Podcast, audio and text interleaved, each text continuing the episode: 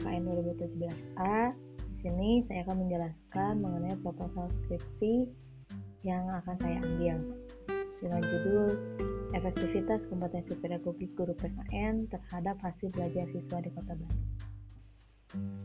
Adapun latar belakang yang saya ambil, pertama ya kita ketahui bahwa kompetensi pedagogik ini merupakan kemampuan pengelolaan pembelajaran di dalam kelas dan kemampuan pemahaman terhadap peserta didik yang dilakukan oleh seorang pendidik. Maka dapat kita ketahui bahwa kompetensi pedagogik ini harus dimiliki oleh setiap pendidik. Selain daripada itu, seorang pendidik itu tidak hanya serta-merta hanya menanamkan kecerdasan dan pengetahuan terhadap suatu pembelajaran yang sudah dijelaskan. Tetapi, hal yang lebih penting yaitu membentuk karakter anak yang sesuai dengan nilai-nilai norma yang di dalam masyarakat. Nah, kaitannya dengan pendidikan kewarganegaraan kita ketahui bahwa PKN merupakan salah satu mata pelajaran untuk menumbuh kembangkan karakter anak bangsa dan menciptakan uh, masyarakat yang good citizenship. Maka seorang guru seorang guru PKN, seorang pendidik PKN harus memiliki kompetensi pedagogik yang baik. Nah, hanya saja pendidikan kewarganegaraan ini sering dilakukan oleh pembelajar oleh pendidik itu sangat membosankan. Sehingga dalam pembelajaran tersebut anak menjadi malas dan tidak fokus terhadap pembelajaran. Sehingga materi yang akan atau yang telah disampaikan oleh pendidik itu kurang tercerna oleh peserta didik. Yang kita ketahui bahwa pembelajaran PKN atau materi PKN itu sangat penting ditanamkan oleh peserta didik dalam kehidupan bermasyarakat. Selain daripada itu, penelitian yang sudah dilakukan oleh Cahyani dan rekan-rekannya bahwa penelitian tersebut menyatakan kompetensi pedagogik ini sangat berpengaruh terhadap hasil belajar siswa.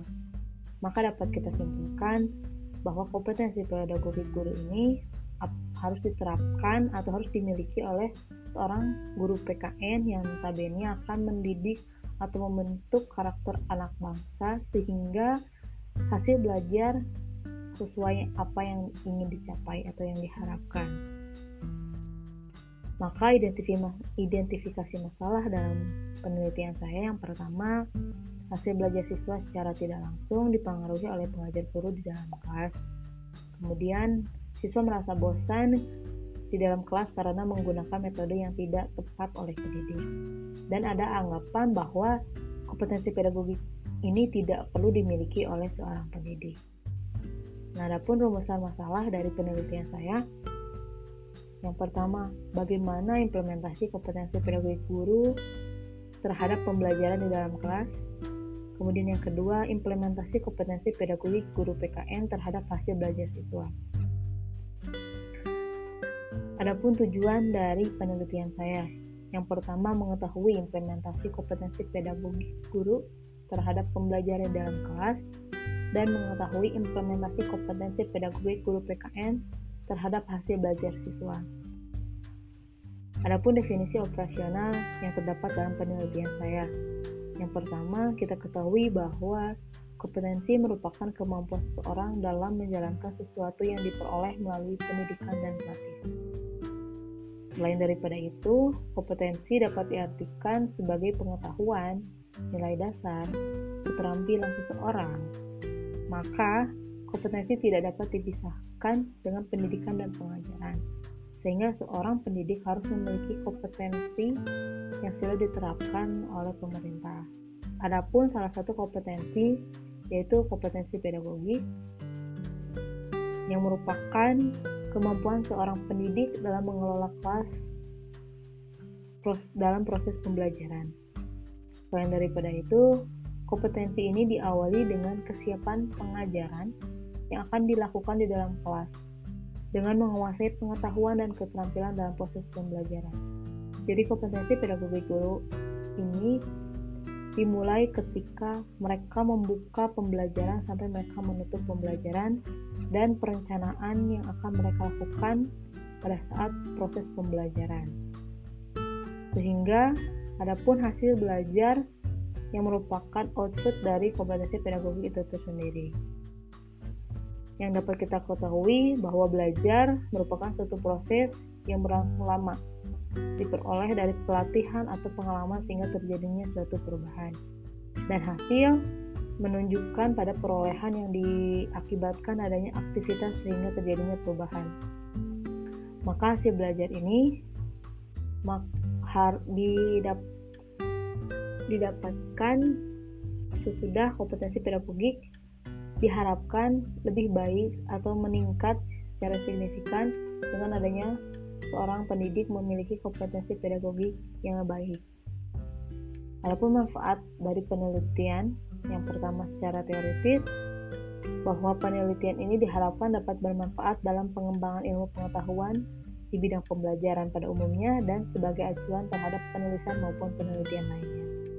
Kedua, hasil penelitian ini diharap dapat menjadi referensi acuan kepustakaan tentang efektivitas pedagogik yang harus dimiliki oleh seorang pendidik. Maksudnya, uh, guru pem, guru pendidikan keluarga negaraan. Kemudian yang kedua itu manfaat praktis. Yang pertama, memberikan jawaban terhadap permasalahan yang diteliti. Kemudian kedua, melalui penelitian ini diharapkan dapat memberikan solusi terhadap permasalahan mengenai kemampuan pedagogik yang harus dimiliki oleh seorang pendidik. Ketiga, melalui penelitian ini diharapkan dapat membantu memberikan sumbang pemikiran bagi berbagai pihak yang terlibat baik itu secara langsung ataupun tidak langsung dalam pelaksanaan pembelajaran yang harus diterapkan oleh seorang pendidik.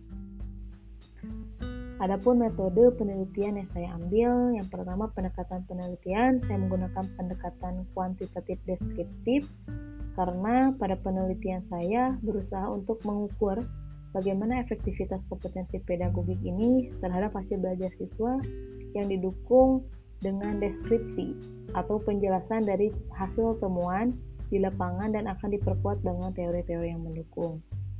Kemudian metode yang saya ambil yaitu menggunakan metode penelitian survei di mana peneliti mengambil sampel pada daerah Bandung Timur, Tengah, Selatan, dan dengan mengambil satu sekolah sebagai sampelnya dari setiap wilayah-wilayah tersebut. Kemudian populasi, populasi dari penelitian ini adalah sekolah yang ada di kota Bandung dan sampel yang saya ambil yaitu Bandung Timur, Tengah, Selatan, dan mengambil satu sekolah di setiap wilayah tersebut. Kemudian desain penelitian saya e, menggunakan penelitian ini menggunakan pendekatan kuantitatif deskriptif karena penelitian saya berusaha untuk mengukur bagaimana efektivitas pedagogi guru terhadap hasil belajar siswa yang didukung dengan deskripsi dan teori-teori yang mendukung. Penelitian ini pun menggunakan desain penelitian deskriptif dengan menggunakan penelitian survei, di mana survei merupakan salah satu desain penelitian yang dapat digunakan untuk menyediakan informasi yang berhubungan dengan hubungan variabel dalam satu populasi. Nah, adapun teknik pengumpulan data yang akan saya ambil pada tahap ini, instrumen yang digunakan yaitu angket di mana angket tersebut akan diberikan kepada uh, sampel yang sudah dipilih secara random, yaitu guru PKN dan sebagian siswa yang ada di sekolah yang sudah dipilih. Tujuan dari angket ini uh, yaitu untuk mengetahui seberapa besar pemahaman pendidik terhadap kompetensi pedagogik dan seberapa besar efektivitas kompetensi pedagogik ini terhadap hasil belajar siswa. Kemudian ada pun teknik analisis data yang akan saya gunakan yang pertama editing atau verifikasi di mana setelah adanya pengisian angket oleh responden maka peneliti ini akan uh, mengecek kelengkapan responden dalam mengisi angket yang sudah diberikan. Kemudian yang kedua yaitu validitas di mana uh, akan diuji validitas dalam menyaring butir-butir instrumen yang valid untuk digunakan dalam pengumpulan data dan instrumen yang tidak valid akan diganti atau uh, akan diganti atau tidak akan digunakan. Kemudian yang ketiga yaitu tabulating, di mana memindahkan jawaban yang terdapat dalam angket ke dalam ke, ke dalam tabel. Yang keempat yaitu reabilitas, di mana di sini pun peneliti akan menguji reabilitas di sekolah yang sudah menjadi sampel penelitian.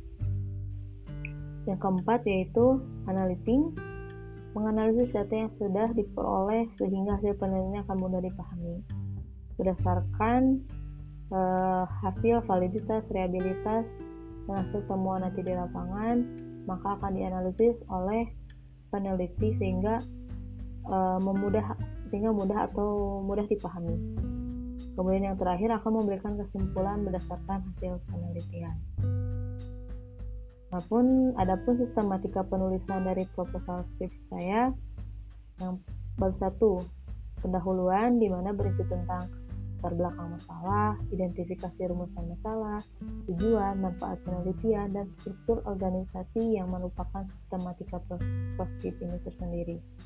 Kemudian bab 2 yaitu kajian pustaka di mana berisi tentang konsep atau teori utama serta pendapat para ahli dalam bidang yang sedang diteliti. Bab 3 yaitu metode penelitian di mana memuat tentang pendekatan penelitian, jenis penelitian, desain penelitian, teknik pengumpulan data, dan teknik analisis data.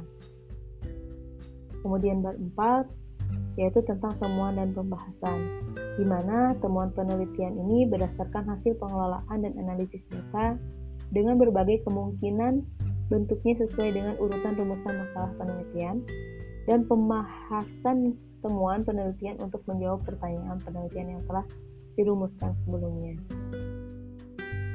Kemudian bab 5 yaitu tentang simpulan, implikasi dan rekomendasi. Di mana berisi tentang penyajian penafsiran dan pemaknaan penelitian terhadap hasil analisis temuan penelitian sekaligus mengajukan hal-hal penting yang dimanfaatkan dari berbagai hasil penelitian.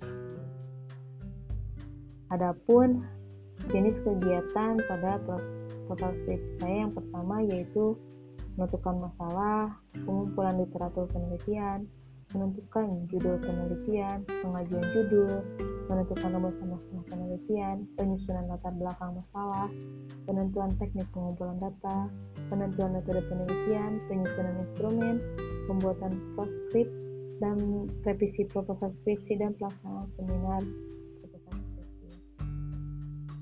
Mungkin cukup sekian pemaparan dari saya. Mohon maaf apabila ada kekurangan ataupun tutur kata yang tidak berkenan. Terima kasih. Assalamualaikum warahmatullahi wabarakatuh.